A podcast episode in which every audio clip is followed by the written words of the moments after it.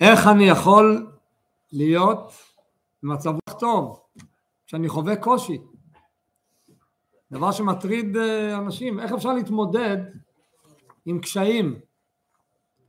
קשיים בכל מיני תחומים, לא עלינו בריאותית, כלכלית, משפטית, כמו שאומרים כל אחד עם החבילה שלו וכל אחד עם העניינים שלו וכל אחד בטוח שאצלו זה הדבר הכי קריטי באותו רגע ואדם מן השורה שאין לו כלים יכול חלילה מה שנקרא להתמוטט מחוויה קשה.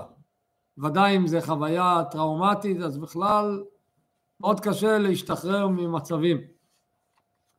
האם לתורת החסידות האם לספר התניא יש אה, מענה, יש איזו גישה חסידית ייחודית שתסייע לנו במצבים כאלה, מצבים נפשיים קשים, שאנחנו מתמודדים עם שאלות מטרידים מאוד את היום יום שלנו, מה עושים? אז האמת היא שבספר התניא יש בשלוש מקומות, שלוש גישות שונות איך להתייחס לדבר הזה. נזכיר רק בנקודות שניים מהם, אנחנו היום נדבר על השלישי. הפעם הראשונה שיש על זה התייחסות בספר התניא זה בחלק הראשון של התניא, חלק ליקוטי המרים, פרק כ"ו, יש שם אריכות שלמה, בתמציתיות בשורה אחת, שמה אדמו"ר הזקן אומר שאם אדם מקבל איסורים בשמחה, אז לעתיד לבוא זה יתהפך לו לטוב הנראה והנגלה. דהיינו שזו בשורה, אבל זו בשורה שאומרת לך, אוקיי, זה לא יקרה היום. פעם השנייה, לא בסדר הכרינולוגי בספר, אבל פעם נוספת, שיש התייחסות שאנחנו עוד נגיע לזה בסדר הלימוד שלנו, זה באיגרת כ"ב, שם אדמו"ר הזקן נותן עצה אחרת, ואומר, אדם שיש לו איסורים, תחשוב כמו שרגיל אצל הרבה אנשים באינסטינקט לומר כפרת עוונות, מכירים את הביטוי הזה? אז זה בעצם אדמו"ר זקן אומר, תובנה שאיסורים באים לנקות את האדם מהלכלוך. הוא מביא שם ביטוי שכתוב כמשל אה, מלך, אבא, שלפעמים רוחץ את הצואה של בנו מרוב אהבתו ולפעמים התהליך הזה לא נקי, לא, לא, לא נעים כואב, אבל כשאתה תתבונן ותבין שזה בא מהאהבה שהאבא אוהב אותך והוא רוצה לנקות אותך, תתעורר באהבה מחודשת אליו, ואז בסוף יהיה לך אהבה גלויה בלי איסורים. זה התובנה שם בפרק סימן כ"ב, וזה גם תובנה שדורשת ממך עבודה לעורר אהבת השם במצב הזה. אנחנו היום בשיעור הנוכחי נלמד את איגרת י"א. באיגרת הקודש. פה בעל התניא נותן באיגרת הזו עצה ייחודית במה להתבונן. נפרט את זה בעזרת השם היום במהלך השיעור. לפני שנתחיל ללמוד את הפרק מבפנים, אני רוצה לפתוח בסיפור ממש מופלא שמביא דוגמה ממשית איך הפרק הזה הביא לשינוי מן הקצה לקצה בחיים של יהודי. סיפור היה על הרב של ניקולאייב באוקראינה, קראו לו הרב מאיר שלמה ינובסקי, נפטר לפני בערך 90 שנה. הרב ינובסקי, רק שיהיה לנו רקע על מי מדובר, הוא זכה לבת מאוד מאוד מיוחדת שקראו לה הרבנית חנה, שהיא זכתה להיות האימא של הרבי מלובביץ'. זה הרב שלמה, מאיר שלמה ינובסקי. הרב ינובסקי חלה, לא עלינו, בזמנו, במחלה שקראו לה מחלת הטיפוס. בזמנו זו הייתה מחלה, לא עלינו, שלא הצליחו למצוא שום תרופה למחלה הזו. מי שחלה במחלה הזו, ידעו שזה כרטיס צד אחד. ורק כדי למנוע את ההתפשטות של המחלה אלה שלא עלינו לקו בה, שלא יעבירו את זה הלאה, אז היו מוציאים את כל החולים להסגר, קודם כל כשהם חיים, מוצאים אותם להסגר מחוץ לעיר, כדי שהם לא יסתובבו עם אנשים ושאף אחד לא ידבק במחלה. שם הם היו נמצאים בהסגר עד שלא עלינו יצא נשמתם. פשוט לא היה שום תרופה למחלה הזאת. ואף אדם לא היה לו רשות להיכנס לאותם ביתנים כדי לא להידבק. פעם ביום היה מגיע איזה רופא, נותן לזה תרופה מסוימת, ככה להקל אולי את האיסורים, והחולים היו שוכבים מוכי כאב וסבל בלי שום יכולת לצאת מכלום, וככה שכבו בבדידות ומתו בהמוניהם, לא עלינו. הרב מאיר שלמה ינובסקי, רב העיר, חלה במחלה האיומה הזאת. וכמובן, אין כאן אה, אה, פרוטקציות, זה עניין שחיים ומוות לאחרים, אז גם אותו לקחו למחנה ההסגר המרוחק ושכב שם חסר אונים, ללא שום יכולת, ללא שום תקווה להירפא. באותו עיר היה גר יהודי יקר, קראו לו רבי אושר גרוסמן, הוא היה שוחט בעיר ניקולאי. הוא היה אחד מתלמידי רבי הלל מפריץ', מגדולי החסידים בזמן הרבי מהרש והרבי רש"ב, יהודי מאוד מאוד מיוחד, רב אושר גרוסמן קראו לו. והוא שמע, רב אושר שמע, שרב העיר שוכב בבידוד אי שם. אז הוא לא חשב פעמיים, הוא לקח איתו את ספר התניא ביד, הלך למחנה ההסגר והגיע לשם, הוא לא נכנס פנימה, הוא פחד להיכנס פנימה, שלא להידבק, הוא עמד בפתח ופתח את איגרת י"א באיגרת הקודש, מה שאנחנו היום נלמד בעזרת השם, והתחיל לקרוא בקול רם את האיגרת מתחילתו ועד סופו. קרא, קרא, קרא, קרא, סיים לקרוא, סגר את הספר, הלך הביתה. למחרת, שידור חוזר. ולמחרת, שידור חוזר. שלושים יום. יום אחרי יום אחרי יום הוא הגיע, נעמד, קרא את האיגרת, סיים, הלך הביתה. אחרי שלושים יום, אחרי שלושים זריקות כאלו, כמו שרב אשר נתן לרב מאיר שלמה, אחרי שלושים יום, פשוט בנס, המחלה עזבה את רב מאיר שלמה. הוא פשוט עברי, הוא יצא משם לגמרי ללא שום זכר למחלה. יש אה, סיום מאוד מעניין לסיפור, שבחי ניסן, בחול המועד פסח, של שנת תרס"ב, היה יום הברית של הרבי. והברית התקיים בבית של הרב של העיר, של הסבא. וכל תושבי העיר הגיעו לברית כמובן, ורב אושר השוחט כמובן גם היה בברית. אבל רב אושר לא טעם כלום, לא רצה להכניס לפה שום דבר. יש חסידים שנוהגים כמו שכתוב בפסח, למרות שאתה סומך שהיהודי מקפיד, אבל פסח אתה לא רוצה לאכול בשום מקום, רק מה שאתה בעצמך עשית, לא הכניס שום דבר לפה. הרב רואה שהיחיד שלא מכניס לפה זה רב אושר. אז הרב אומר לו, האמת, הייתי צריך להיות עליך עכשיו אה, בקפידה. איך אתה לא סומך על רב העיר? אצלי בבית אתה לא סומך ואתה לא אוכל, אבל אתה הצלת את החיים שלי, אז אני לא יכול להקפיד עליך. וזה היה הצלת חיים, שהוא הציל את רב אושר, הציל את, אה, את אה, רב מאיר שלמה. זאת אומרת שרואים שיש כאן לאיגרת הזו כוח, כוח עצום, להביא אדם שאין לו שום סיכוי בדרך הטבע, חזר חזרה לחיים בריאים. עכשיו, אה, זה נשמע לנו, יאללה, נו בוא נראה מה כתוב פה, זה מתכון בדוק ומנוסה. אבל אני חייב להקדים ולומר שהדרישה שהבעל התניא דורש באיגרת הזו זה דרישה לרף מאוד מאוד גבוה, שיהיה ברור.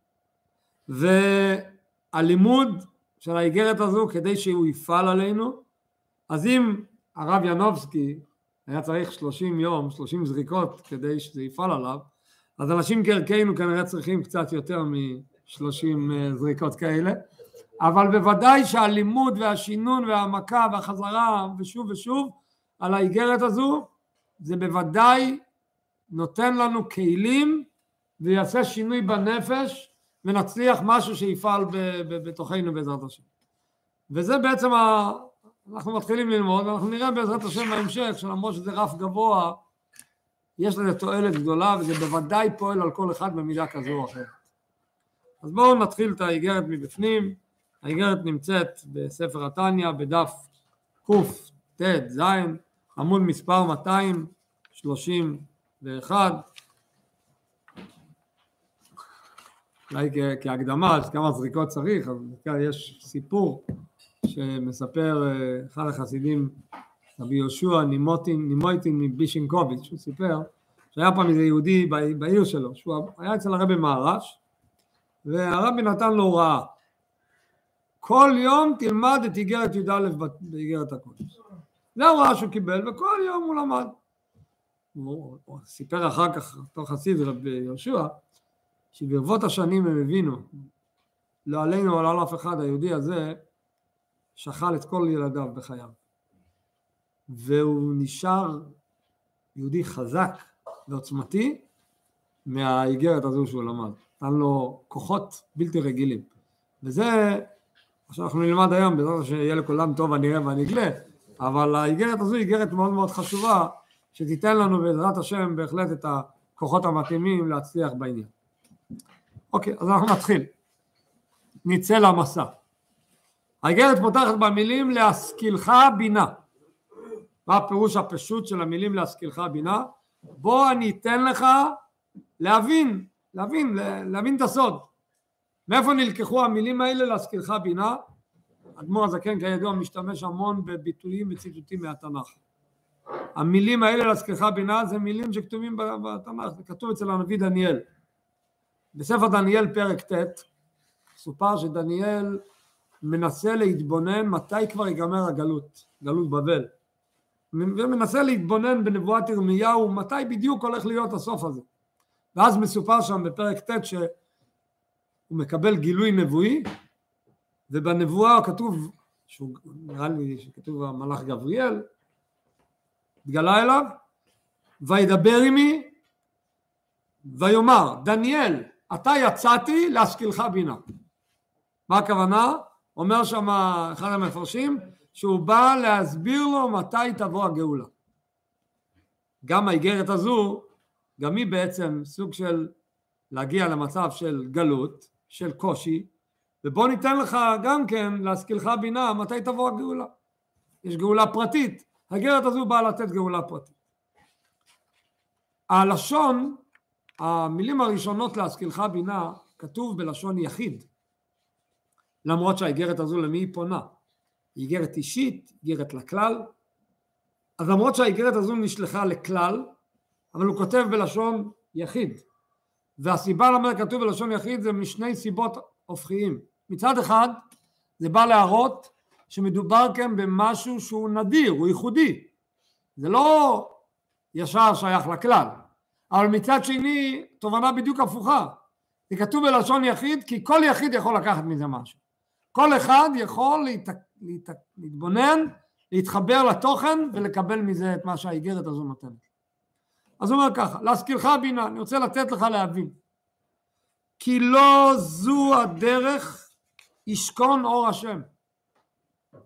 אם אתה רוצה שאור השם ישכון אצלך אז אני הולך להגיד לך עוד מעט משפט ותדע לך שמי שמתנהג לפי המשפט שאני הולך להגיד מיד, לא זו הדרך ישכון אור השם. כשאתה הולך לפי המשפט הבא לקמן, אור השם לא יכול לשכון אצלך. מה הדבר שעליו הוא אומר, לא יכול לשכון אור השם אם זה קיים?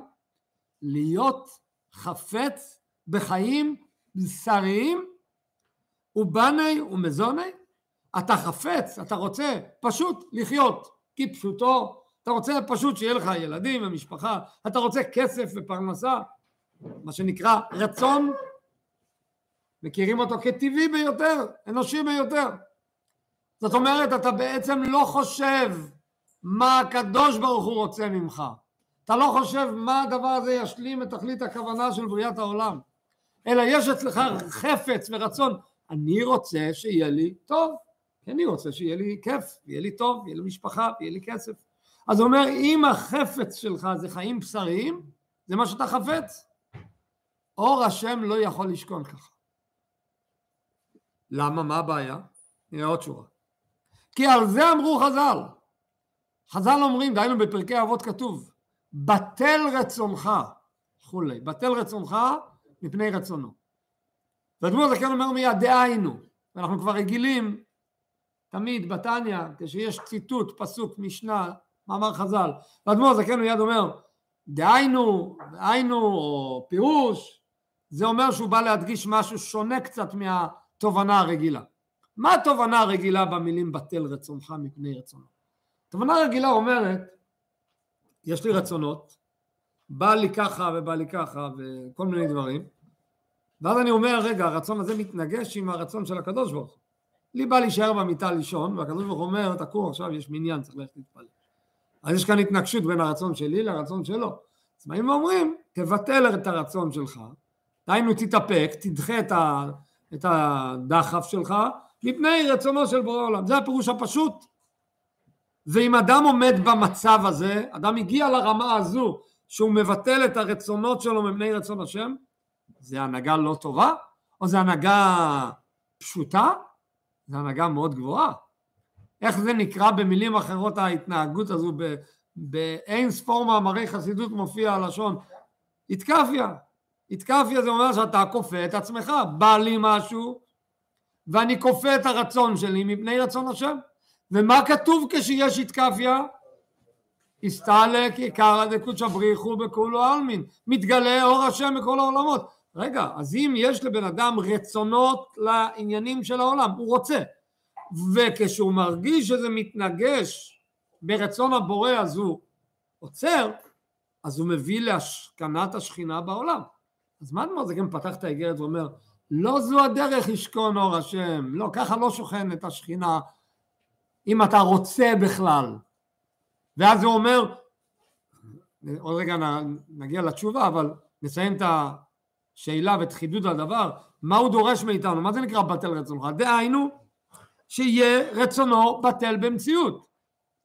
מה זה נקרא רצונו בטל במציאות? לא כמו שהבנו, אני רוצה רק אני מתאפק, אלא ולא יהיה לו שום רצון כלל בענייני עולם הזה כולם, שאתה לא רוצה בכלל.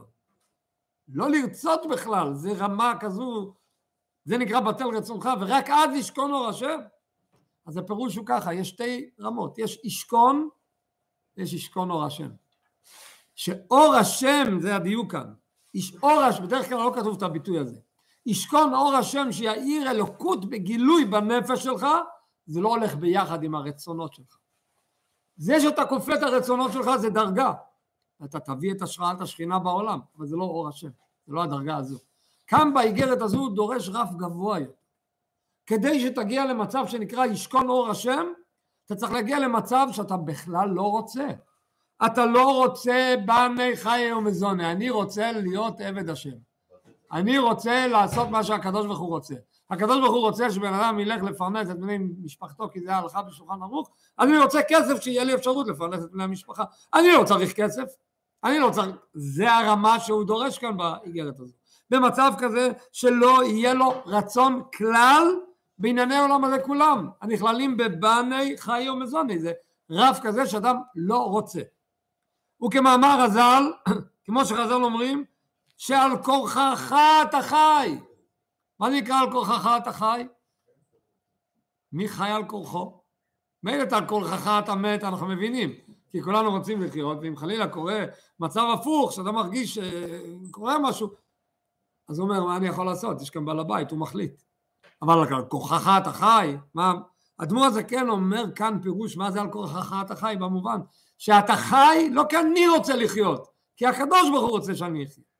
זה, זה. עכשיו, מה המבחן? איך אדם יכול לבחון אם הוא הגיע לרמה הזו? איך הוא יכול לבחון אם באמת הוא רוצה רק אלוקות? מה המבחן הפשוט? מה אתם אומרים? איך בוחנים את זה? עושר זה לא מוכיח. אמרת תשובה יפה, לא מוכיח. בוא נתחיל עם עושר באלף. למה זה לא מוכיח? כי אדם יכול להיות, בחיים היומיומיים הוא לא מרגיש עונג ואושר באופן טבעי ביום יום. כמו שיש לשון תענוג תמידי אינו תענוג. איפה האבן הבוחן אם באמת אני רוצה את החיים הגשמיים או שאני רוצה את הקדוש ברוך הוא? איפה האבן הבוחן? כשיש לו פגיעה, כשלוקחים לך משהו, פתאום חסר לי משהו. חסר לי משהו, אה, אתה מתחיל לאבד עשתונות. רגע, למה מה? לקחו לי, אכלו לי. כשחסר לך, אתה מצטער. מזה אתה מבין, כשיש לך כמה אתה מרוצה ושמח. אז מזה אתה מבין ממה אתה שמח? לא ממה שהקדוש ברוך הוא נותן לך, אלא מה שלי כיף. זה לא הרמה שעליה מדובר באיגרת הזו. באמת אדם מן השורה, אדם מן הרגיל, באופן טבעי, חי את העולם, וכשהוא מפסיד משהו, כלכלי, לא עלינו רפואי, הוא מאבד את הראש. ואז מוכיח לעצמו שעד עכשיו זה לא על כורחך אתה חי, זה בכיף אני חי. אדמו"ר הזקן פה דורש שיהיה על כורחך אתה חי. זה, זה רף גבוה, רף גבוה אפילו מאוד. שמעתי סיפור על אה, חסיד, היה לפני 40 שנה, קודם סיפרנו על חסיד לפני 90 שנה, לפני 40 שנה בערך. היה יהודי, קראו לו רבי אברהם זלצמן. מי שרוצה לקרוא עליו, קצת יש ספר שכתב הבן שלו, ספר שנקרא סמרקן, יש אה, תיאור על כל התקופה, יהודי מאוד מאוד מיוחד, בעל מסירות נפש נפלא. הוא ציווה לפני פטירתו שעל המצבה לא יכתבו שום דבר, רק זכה ללמוד בלובביץ', זהו, מעבר לזה שלא יכתבו שום דבר, כלום.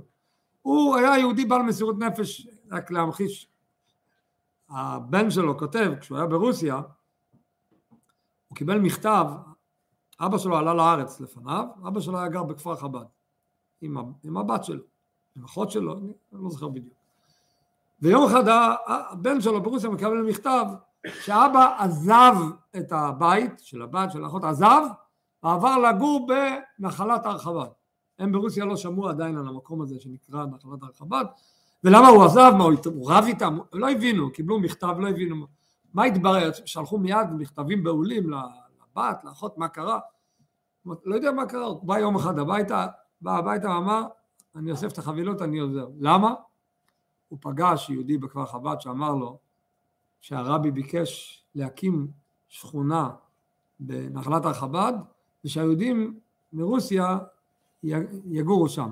הוא שמע את זה, הוא לא חשב פעמיים. מה הוא יעשה שם? מה הוא יתפרנס? לקח את החבילות ונסע לשם. אחר כך הוא היה שם, ניהל כולל שנים. כל מיני זה היהודי הזה. היהודי הזה כשהגיע לקראת פטירתו, הוא סבל הרבה.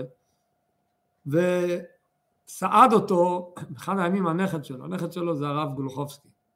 נכון, הנכד, אשתו היא הנכדה שלו. סעד אותו והוא היה איתו והוא שומע אותו ממלמל ככה בכמה בשקט מילים. אז הוא ניסה להקשיב מה הוא אומר. אז הוא שומע אותו אומר ביידיש, דר להשכילך בינו גייטישטון גרינג. תרגום אומר, הלהשכילך בינה לא הולך קל, כל כך קל. הוא חווה בעצמו ייסורים, הוא אומר לעצמו, זה לא כל כך קל להשכילך בינה, כשזה, כמו שאומרים שזה על אמיתי. כשאתה לומד את זה בספר, סיפור אחד, כשזה בא באמיתי, זה סיפור אחר. אוקיי, זה באמת אה, לא פשוט. בואו נראה איך הזה כן מוביל אותנו, מה אנחנו צריכים לחשוב, איך אנחנו מגיעים לזה.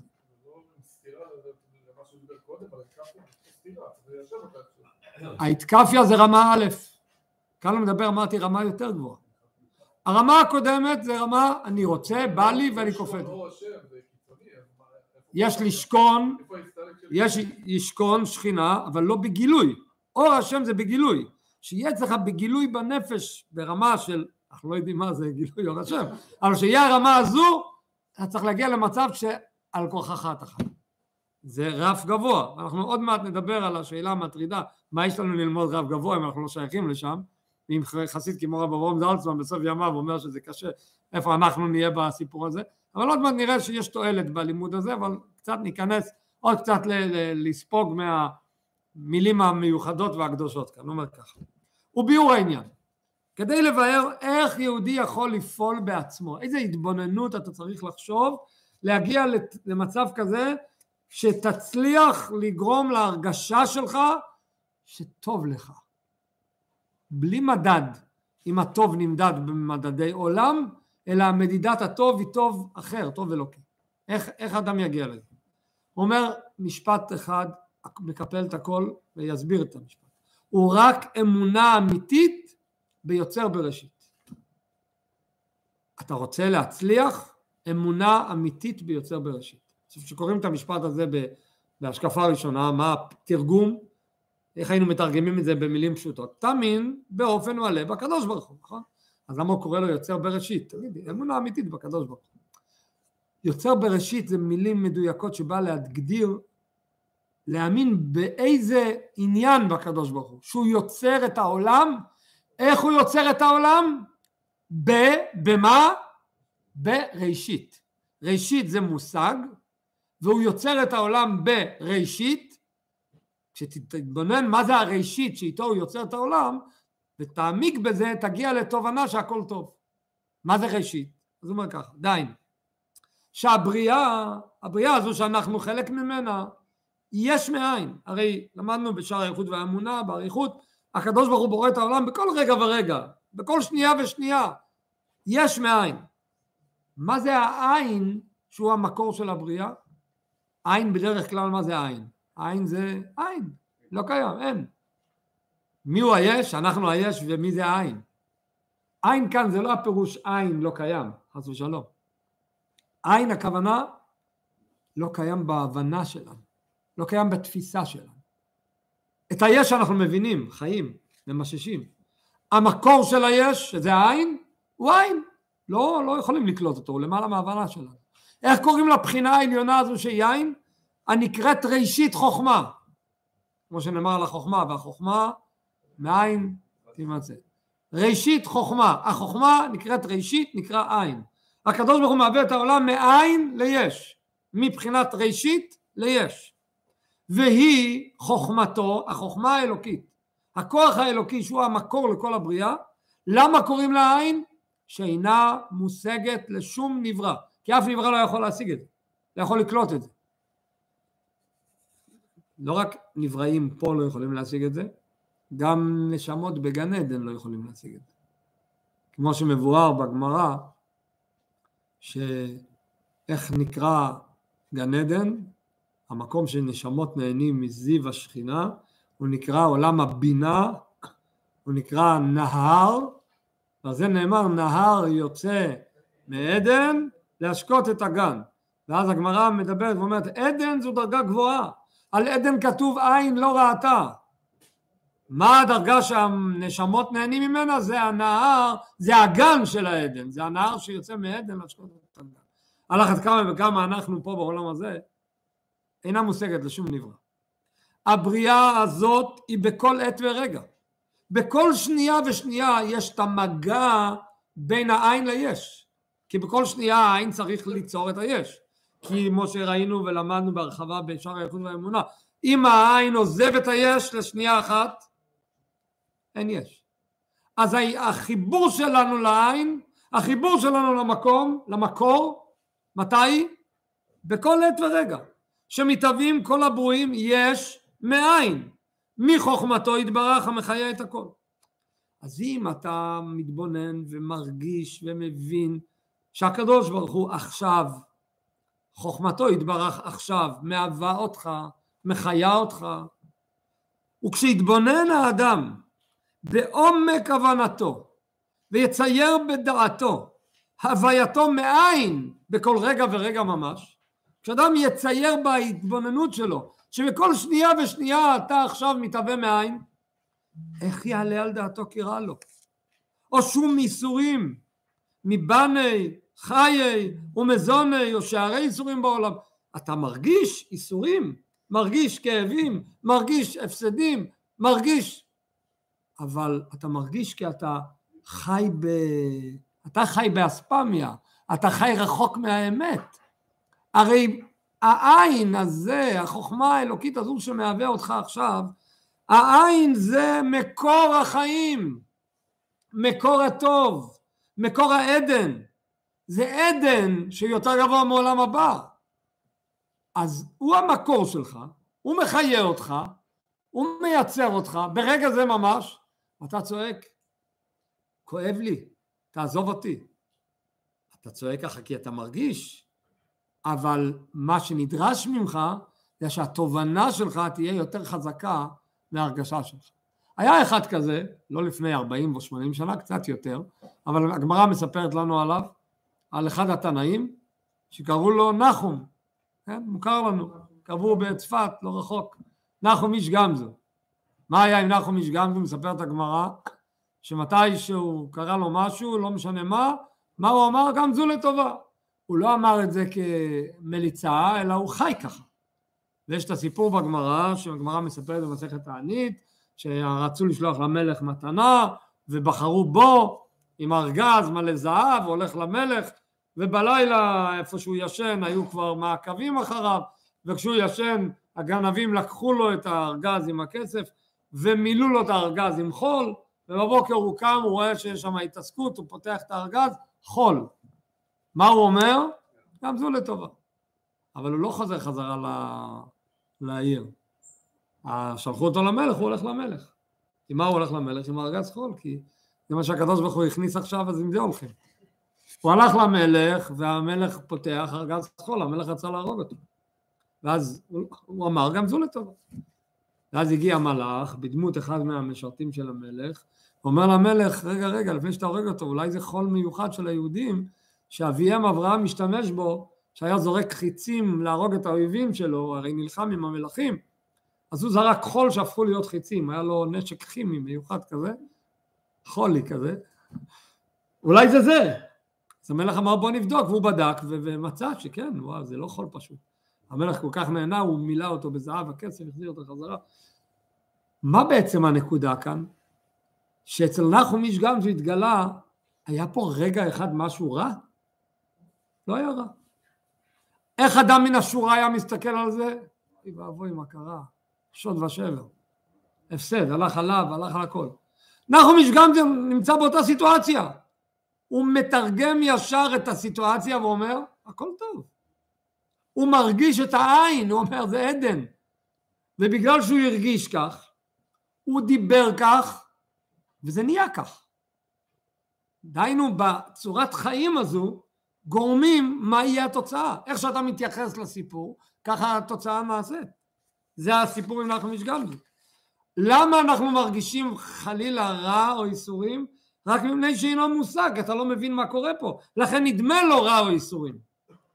מתי הבן שמקבל סטירה מאבא שלו, ובו זמנית הוא כועס בטיפשות ילדותית על האבא שעכשיו אה, נתן לו סטירה, מתי הוא יבוא לאבא ויגיד לו תודה רבה אבא על הסטירה שנתת לי? מתי יעשה את זה? כשהוא יהיה אבא. כשהוא יהיה אבא הוא יגיד וואו אם זה לא הייתי מקווה אבל בילדותיות קטנה נראה לו שאבא מתעלל בו זאת אומרת שאותו דבר, כשקורה לבן אדם משהו וזה נראה לו איסורים, אתה ילד קטן, אתה לא מבין מה קורה פה. אבל אם אתה תלמד את איגרת י"א, ואתה תתבגר בנפש שלך, תצליח להסתכל על זה במבט עליון ואחר, ואתה תגיד הכל טוב, הכל טוב מלכתחילה, זה טוב אמיתי. אתה תחיה כך, אז איך אומר עוד מילה? אבל באמת אין רע יורד מלמעלה, אין כזה מושג רע יורד, מלמעלה לא יורד רע. והכל טוב, כל הזמן, רק שאינו מושג. אתה פשוט לא יכול להבין את זה לגודלו ורב טובו, לפעמים הטוב הוא כל כך ענק וכל כך גדול, אתה פשוט לא יכול להבין את זה, אז זה נראה לך רע, אבל האמת הכל מלמעלה, הכל טוב. נעצור רגע, לפני שנבין עוד תובנה מאוד מאוד חזקה, מאוד כן הולך כאן מקטע לקטע עולה עוד קומה, אבל נעצור רגע, נחשוב מה התועלת בכל ה... אנחנו לומדים כאן משהו, מה שנקרא רף של נחום איש גמזון, איפה אנחנו ואיפה נחום איש גמזון. ניקח דוגמה, אנחנו לומדים בחסידות, כל מי שלומד טניה וחסידות, מאמרים, שוב ושוב ושוב אנחנו נתקלים באמירה אין עוד מלבדו, הכל אלוקות, עין ואפס, הכל בטל ומבוטל, כל הזמן לומדים על זה. נו, לומדים על זה, אבל אתה חי ככה, באמת הכל עין ואפס? כן, את הבדיחה שדיברנו פעם על אותו יהודי שבאו לתבוע ממנו אה, כמה שקלים שהוא היה חייב, אז הוא אומר, מה, לא חייב לך כלום, הכל עין ואפס, הכל עין ואפס, אין עוד מלבדו, מה אתה מדבר? מה אתה מבקש כסף? הכל עין ואפס ממש. אז באו לרב, הרב שם, הרב היה רב חסידי והכיר את הרב, שמע את זה, הרב אמר לשמש בית הדין, תיקח את העין ואפס הזה, שים אותו על העין ואפס פה, תיקח את השוט העין ואפס שיש שם, ניתן לו כמה עין ואפס והוא יחזיר את העין ואפס. כן? אומרת, הכל עין ואפס, אנחנו לומדים על זה כל הזמן. מה התועלת בלימוד הזה? זה באמת אנחנו חיים עין ואפס? אז בואו נראה שיש תועלת. דוגמה פשוטה, מישהו פגע בך, אמר לך איזה מילה, אני יודע, ברבים, בייש אותך, הסמקת, באותו רגע חשבת, חיפשת איפה האדמה תבלע אותך, מה קורה אחרי שעה? אתה כל כך כועס, איך הוא עשה לי את זה, ואחרי יום אתה עוד יותר חושב איך, לא יכול להסתכל על הפנים שלו, לא יכול, ואתה הולך ומתבשל ונהיה נתק. יהודי שלומד חסידות ומבין שהכל עין ואפס, ואין, ואם קורה משהו זה כי לא הוא עשה לך, זה הקדוש ברוך הוא שלח אותו. קורה לך משהו אתה גם כועס, אתה לא מלאך, אתה כועס, נפגעת. אבל אחרי שעה אתה אומר לעצמך, מה איפה, איפה כל הלימוד שלמדתי? למדתי הרי שהכל בא מהקדוש ברוך הוא, מה אני... זה לא יקרה לך אחרי שעה, זה יקרה לך אחרי יום. יבוא עוד יום, יבוא, יבוא עוד שבוע, אתה תכעס על עצמך. איך אני לא מפנים מה שאני לומד, ואיך כעסתי בכלל מלכתחילה. אז בעצם יש תועלת ללמוד על הדברים הנפלאים הללו, בוודאי שכן. אמנם לא תמיד מגיעים באינסטינקט הראשון לתגובה הנכונה, אבל באינסטינקט השני והשלישי ואחרי כמה שעות אתה שונה מאותו אחד שאף פעם לא למד על זה. אתה לא מגיב אותו דבר, משהו השתנה. אז יש תועלת ללמוד גם על הרף הגבוה, כי הרף הגבוה גורם לנו קצת לשנות את חדות התגובה שלנו, לפחות. לא נגיע אולי לרמה הזו של לרקוד בשמחה, אבל, אבל בהחלט זה, זה, זה, זה יפעל משהו, זה לא פשוט. מה? כן, בדיוק. שהקדוש ברוך הוא לא ינסה אותנו. נגיד לו, ריבונו של עולם, אנחנו מבקשים כל יום, אבל לא על ידי איסורים וחולאים רעים, אל תנסה אותנו. אבל חס ושלום קורה משהו הכי קטן, שנדע להתגבר על המחשבה הראשונה ולתת לעצמנו תובנה מה צריכה להיות הסתכלות אמיתית של יהודי. עכשיו נראה עוד משפט שהוא מוסיף עוד נקודה חזקה הוא אומר. וזהו עיקר האמונה שבשבילה נברא האדם. פה תדע לך עכשיו למה הקדוש ברוך הוא מביא את האיסורים לבן אדם מה הוא מרוויח מזה? בשביל מה צריך את זה? למי זה עושה טוב? שימו לב איזה משפט עוצמתי הוא אומר. כל מה שנבראת זה בשביל לבדוק אותך אם אתה מאמין באמת בקדוש ברוך הוא. הקדוש ברוך הוא נותן לך ניסיונות רק לבדוק אם אתה מאמין או לבדוק או לגלות אצלך את המאמין הזה וברגע שאתה תגלה את המאמין הזה נגמר הניסיון, אין צורך בניסיון. באותה שנייה הניסיון נגמר. אדמו"ר הזקן אומר כאן משפט חזק, זהו עיקר האמונה שבשבילה נברא האדם, פשוט הוא נברא בשביל זה. אז כל החיים אתה חי בשביל הסיטואציה הזו, איך אתה עכשיו מגיב, בשביל זה ירדה נשמתך לעולם עכשיו, בשביל, בשביל ה... עכשיו אתה עומד בבדיקה. להאמין דלית אתר פנוי מיני. הקדוש ברוך הוא רוצה שאתה תגיע למצב כזה שהאמונה שלך תהיה עוצמתית שהוא נמצא בכל מקום. העדן נמצא איתך עכשיו. שיא הטוב בא אליך עכשיו. ובאור פני מלך אם אתה מרגיש את הפני מלך, אם אתה מרגיש שהמלך מסתכל עליך בפנים, אז באור פני מלך חיים, כמו שהחוק הזה אומר, כשהאדם לא עלינו מקבל אה, עונש הפך החיים, ואם בדרך לגרדום יצא לו, הזדמן לו, התמזל לו, והמלך בדיוק עבר שם עבורת המלך, ברגע שהמלך ראה את פני המלך, מתבטל הגזר דין והוא אה, חוזר חזרה לחיים. יש כזה חוק במדינות. היום אין מלך, אז הם אה, לא מכירים את זה מהשטח. אבל המלך, הקדוש ברוך הוא, כשאתה מרגיש את פני המלך, אז חיים, זהו, חזרת לחיים. ועל כן, איך הפסוק אומר? עוז וחדווה במקומו. אם אתה במקומו, אם אתה במקום מאיר אצלך הפנימיות של הבורא, אז עוז וחדווה יש לך, שמחה אמיתית. הואיל והוא רק טוב כל היום. זה בעצם העוצמה הגדולה שאליה אנחנו צריכים להגיע מהפרק הזה. ועל כן, אז מה המסקנה? ראשית הכל, מה הדבר הראשון שנדרש מהאדם בהסתכלות על החיים שלו? שישמח האדם ויגל בכל עת ושעה. מה זה בכל עת ושעה? מה, מה הרי הסגנון של התניא מדויק, אבל בכל עת ושעה, יש הרי בפרק ג' בקהלת, מכירים את ה-28 עיתים, כ"ח עיתים, יש שם את, את ללדת ואת למות, את לטעת ואת לעקור נטוע, כן, יש שם 28. אז בעיתים האלה יש עיתים שהם אה, מצב אה, טוב, ויש עיתים שמתארים מצב אה, הפוך.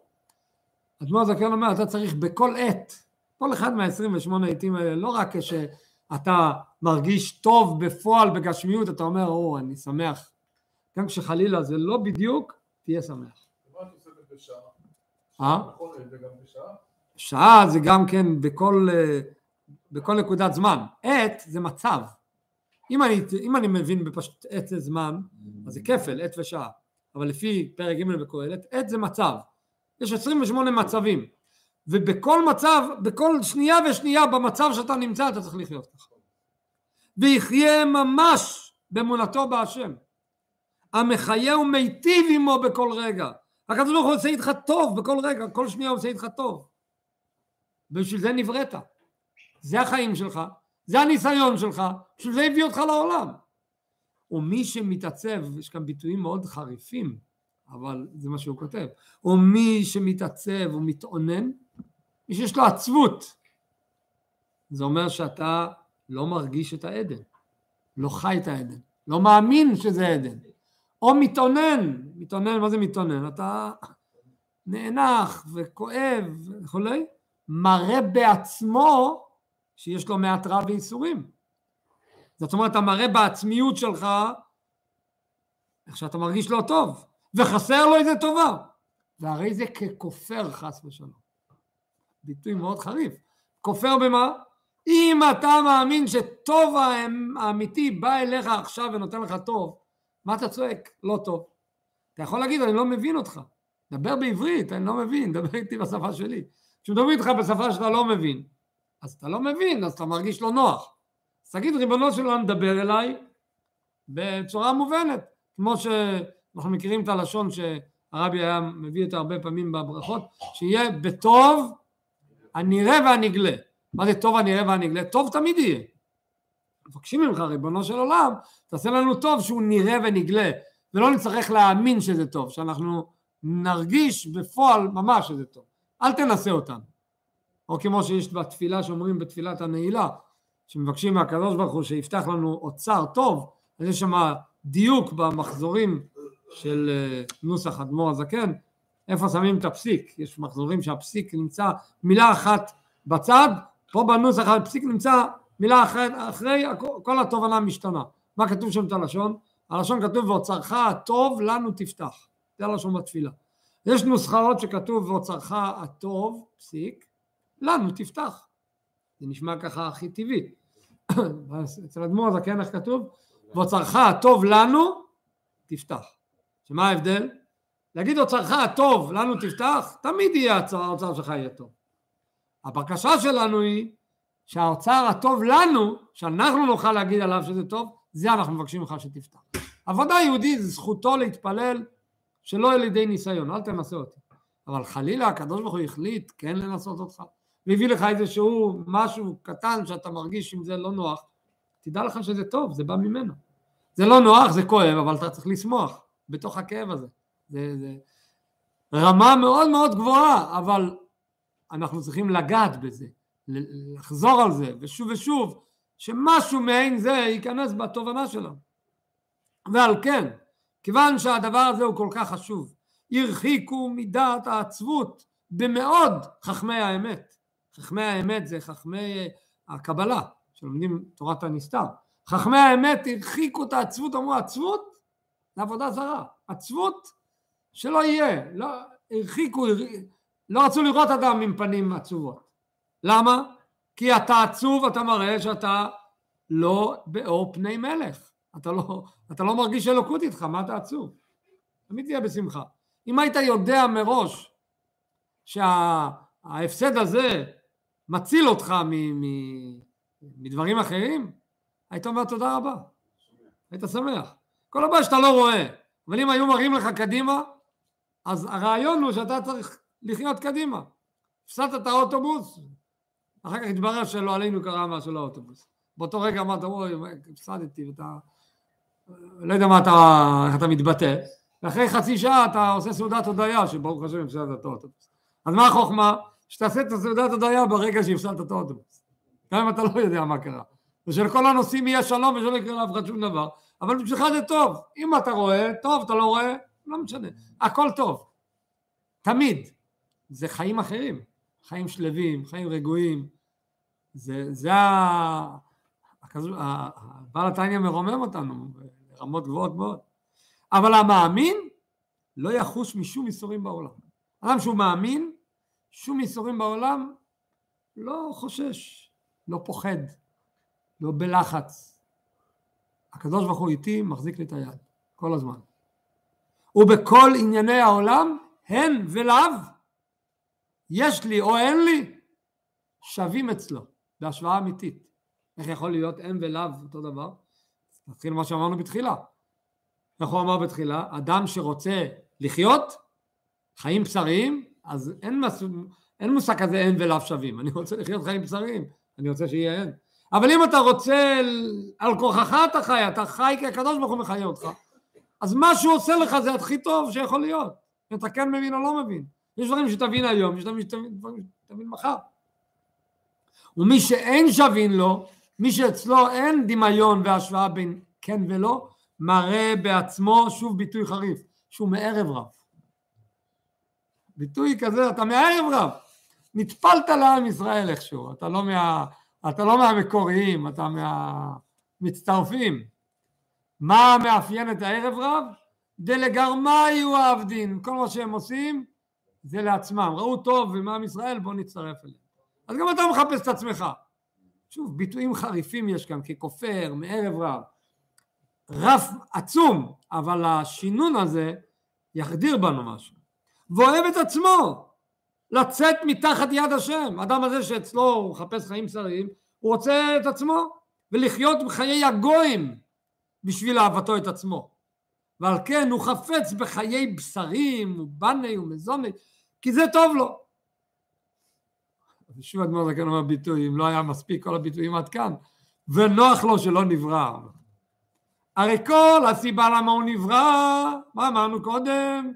זה בשביל האמונה הזו. אתה לא עומד באמונה הזו? חבל שאתה פה בכלל. נוח לו שלא נברא. כי עיקר בריאת האדם בעולם הזה הוא בשביל לנסותו בניסיונות אלו. כל מה שאתה חי זה בשביל זה. יש לך ניסיון? אוקיי, בשביל זה הגעת לפה. זה בדיוק הניסיון, בוא תעמוד בניסיון.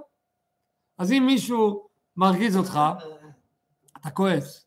אבל אם מישהו אומר לך בשקט, באוזן, מראש, תשמע, אתה הולך, הולך להיות מבחן, אתה תיכנס עוד מעט לבית כנסת, כבר יש מישהו שהכינו אותו, איך שאתה נכנס, עושה ממך צחוק, יורד עליך ככה ברבים, ועומדים מהצד, יש מצלמות, כולם רואים, רוצים לראות איך אתה עומד להגיב. מכינים אותך ואז אתה נכנס, ההוא צוחק עליך, אתה מחייך. מה קרה? כי אתה יודע מראש שזה סך הכל, אה, אתה עומד כרגע למבחן, מישהו גילה לך את הסוד. אז תדע לך, גילינו לך את הסוד, אתה עומד במבחן. עכשיו אתה עומד במבחן לראות איך אתה מגיב. אז ת, ת, תגיב, כי המצלמות עליך, תגיב כמו שצריך. ולדעת את אשר בלבבו, הקדוש ברוך הוא רוצה לבחון מה קורה בלב שלך. אם יפנה לבבו אחרי אלוהים אחרים, שהם מה זה האלוהים אחרים? תאוות הגוף, המשתלשלים מסתרא אחרא, ובהם הוא חפץ. האם אתה חופץ את האלילים? אתה רוצה תאוות הגוף?